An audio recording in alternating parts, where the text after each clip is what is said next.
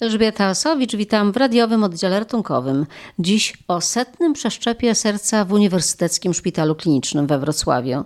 Kiedy Wrocławski Ośrodek starał się o zgodę na transplantację serca, niektórzy wątpili, czy to się uda i czy jest potrzebne.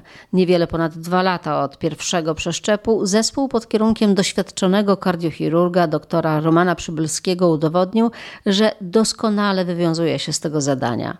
Poza tym lekarze z specjalizują się też w leczeniu zatorowości płucnej. Ostatnio podjęli się bardzo skomplikowanej reoperacji pacjenta ze złośliwym guzem serca. Mamy historię operacji pacjenta z bardzo złośliwym guzem obejmującym serce, a właściwie serce i łożysko płucne mięsakiem. To są guzy rzadkie, dotyczą ludzi młodych, średnia wieku między 20 a 30 lat. Bardzo agresywne, takie, że średni czas przeżycia to jest około roku po takiej operacji. Często są mylone z zatorem płucnym.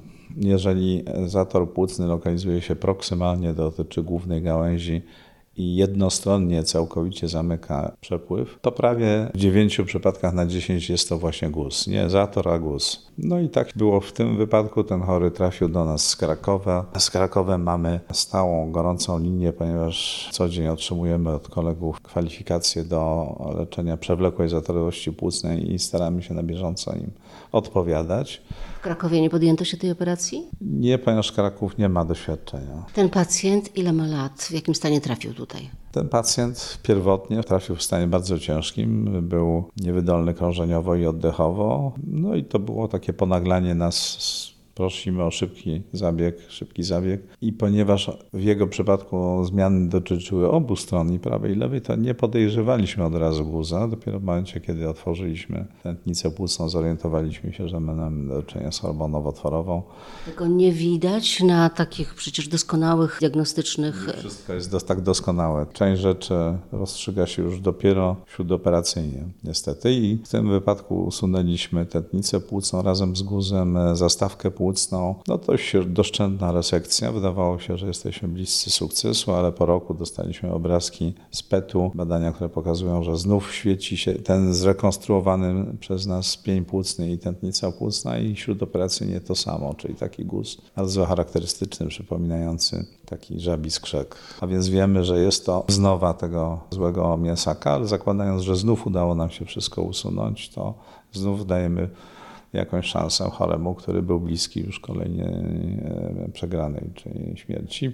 Poza tym ważne było uzyskanie tego materiału na, na badania histopatologicznego, ponieważ te guzy niestety charakteryzuje duża zmienność. Trochę tak jak bakteria, która nabiera odporności na antybiotyki, to one również nabierają odporności na leki chemioterapeutyczne i nowe badanie no, może dać nowe szanse temu choremu, zmiany, modyfikacji tego leczenia. Jak często zdarzają się takie przypadki? Oj, to jest wygrana w totka. To jest bardzo rzadkie, to jest tam ułamek procenta. Na szczęście. Nie dość, że tego typu schorzenie jest rzadkie, to wcześniej na świecie tylko dwa razy lekarze zdecydowali się na reoperację takiego guza. Bez tego pacjent nie miał szans na przeżycie. Teraz jest już w domu, dodaje dr Maciej Bochenek z Instytutu Chorób Serca. Dzwonił przed chwilą z domu, dobrze się czuje, jest z nami w kontakcie. Oczekujemy na wynik badania histopatologicznego, także mamy nadzieję, że pacjentowi uda się szybko skonsultować z onkologami i podjąć już taką celowaną terapię genetyczną dokładnie tego mięsaka. Także tutaj szukamy dla niego różnych dróg leczenia i to, co doktor mówił, to była trzecia operacja na świecie. Takie guzy były operowane, doktor operował, a tutaj po prostu zrobiliśmy to jeszcze raz. Młody człowiek i z nadzieją, że może w ciągu jeszcze najbliższego czasu coś uda się znaleźć, jakieś dodatkowe leki, dodatkowe leczenie, żeby dać mu jeszcze trochę czasu. Rozumiem, że w tym miejscu, gdzie się wycina te części, które są chore, trzeba coś wstawić tam, tak? Udało się zrekonstruować te naczynia płucne przy pomocy specjalnych materiałów sztucznych i biologicznych, także podziergaliśmy tam i zrekonstruowaliśmy te tętnice. Dość trudne to było, bo te tkanki były uszkodzone, nacieczone, pozmieniane zapalnie, ale tutaj doświadczenie doktora Przybylskiego dało nam dużo Podjęcie się takiej operacji to jest ogromne ryzyko. Stawialiście na szali podejmować się, czy też może nie? Oczywiście, że tak. Tutaj podjęliśmy się też konsultacji z onkologami, którzy leczyli pacjenta, bo jest to dla pacjenta dodatkowa szansa na jakiś dłuższy czas. Natomiast jest to też ryzyko, że może takiej operacji nie przeżyć. To jest naprawdę ciężki, trudny zabieg. Natomiast, no, tak jak pani określiła, szala ryzyka została postawiona tak, że dajemy chłopakowi szansę i, i, przede wszystkim on. On też decyduje się na to ryzyko związane z operacją, ale też to, tą szansę na dalsze życie. Czyli ten sam chory drugi raz operowany z tego samego powodu, to jest rzadkość. Rzadkość również z tego powodu, że chirurgowi trudno jest podjąć taką decyzję, wiedząc, że walczy z nowotworem, który daje roczne przeżycie. Minął już rok od pierwszej operacji więc zawsze jest pytanie, czy to ma rzeczywiście głęboki sens i na ile jesteśmy w stanie wydłużyć przeżycie i jednocześnie, proszę zwrócić uwagę, chodzi o jakość tego życia, bo jeżeli po naszej drugiej operacji dojdzie do jakichś powikłań i nie dość, że to życie będzie krótkie, ale o wiele gorszej jakości na końcu, no więc ja zawsze tak próbuję się sam postawić na miejscu tego pacjenta. Teraz sprawa setnego przeszczepu. Jaki to pacjent? No to pacjent w średnim wieku, mężczyzna, który walczył przez wiele lat z powikłaniami choroby niedokrwiennej serca. Po kilkunastu interwencjach wewnątrznaczyniowych, stentowaniu z implantacją kardiowertera defibrylatora i w ostatnim okresie przyjęty do nas już wlew leków, które poprawiają kurczliwość mięśnia sercowego, czyli taki chory już, który jest chorym szpitalnikiem niewypisywalnym, więc albo, albo, albo. Pompy nie można było zastosować, żeby go zamontować pompę i wypisać? No pamiętajmy, że pompa to jest pomoc do decyzji lub pomoc do przeszczepu w przypadku braku dawcy. No ciągle jeszcze ten przeszczep jest takim optymalnym rozwiązaniem. Gdybyśmy gdybyśmy implantowali pompę, a później zrobili przeszczep, to duplikujemy ryzyko tego chorego. Jak długo on czekał po tej kwalifikacji, że potrzebny jest przeszczep? No niestety to był taki tak zwany frequent flyer. No miał kilka hospitalizacji w krótkim okresie, a w końcu wylądował u nas na stałe. Także to rzeczywiście jedyne optymalne i pożądane rozwiązanie to było nowe serce.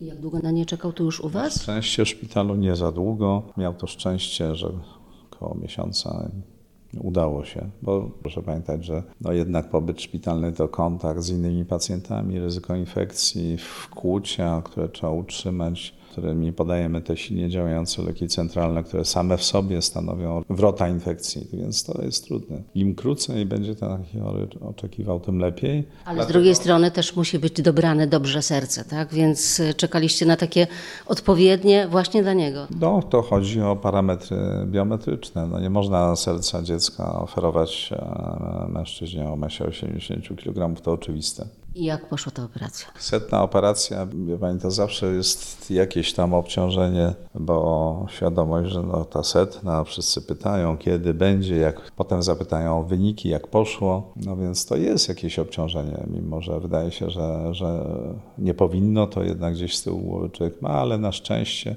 No i jeszcze to, że po tylu zabiegach transplantacji serca wiem, że to jest jedna z bardziej nieprzewidywalnych operacji. Jeśli operuje trudnego chorego, który według skali ryzyka europejskiej, amerykańskiej ma powiedzmy 10% śmiertelności, no to wszyscy wiedzą, że no to się może zdarzyć. Fantastycznie, że podjęliście się takiej operacji, jeśli się nie uda, no to będą kiwać głowami. No, no trudno. Wiedzieliśmy, że to taka trudna operacja. Tu przyjeżdża relatywnie e, dobry biorca, wydawałoby się, przylatuje serce młodego człowieka z wypadku fantastycznie kurczące się, a sam zabieg kończy się wspomaganiem krążenia, więc to są dość nieprzewidywalne i stresujące operacje same w sobie. Wracając do tego pacjenta z przeszczepionym już sercem, dziś on jeszcze jest, bo to się zdarzyło dopiero co? On jeszcze jest w szpitalu, tak? Jest w oddziale pooperacyjnym, ale już rozmawia, jest przytomny, ekstubowany, e, zadowolony. Mówi, że tak świetnie jak w tej chwili to dawno się nie czuł i że no, najchętniej to poszedłby już na imprezę z nami. To jeszcze tylko zapytam o tych pierwszych pacjentów tutaj we Wrocławiu.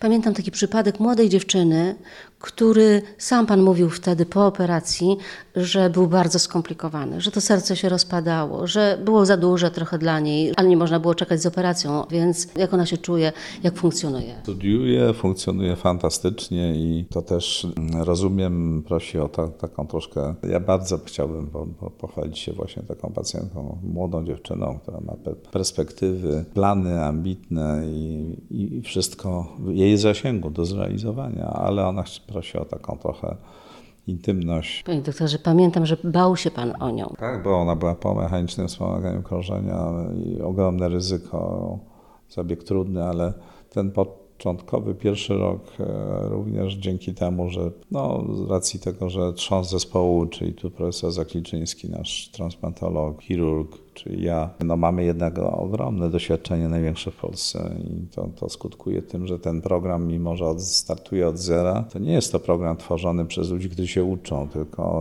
e, przez ludzi, którzy mogą uczyć innych i to robią, bo w tym zespole już na dzisiaj, po setnym przeszczepie, jest, są cztery osoby, które przeszczepiają i cztery osoby, które leczą tych chorych. Sztuczne serce? Kiedy? No ja ciągle uważam, że jednak e, biologiczne serce jest najlepsze. To się nie zmieniło od czasu przeszczepu e, wiceprezydenta Dicka Cheneya, który mógł wybierać między dowolną polityka i mi- multimilionera, który mógł wybierać dowolne. To się nie zmieniło. Mamy informacje o przeszczepach ksenogenicznych, ale to też jest jeszcze bardzo odległa droga. Bardzo. W radiowym oddziale ratunkowym dziś to już wszystko. Elżbieta Osowicz, do usłyszenia.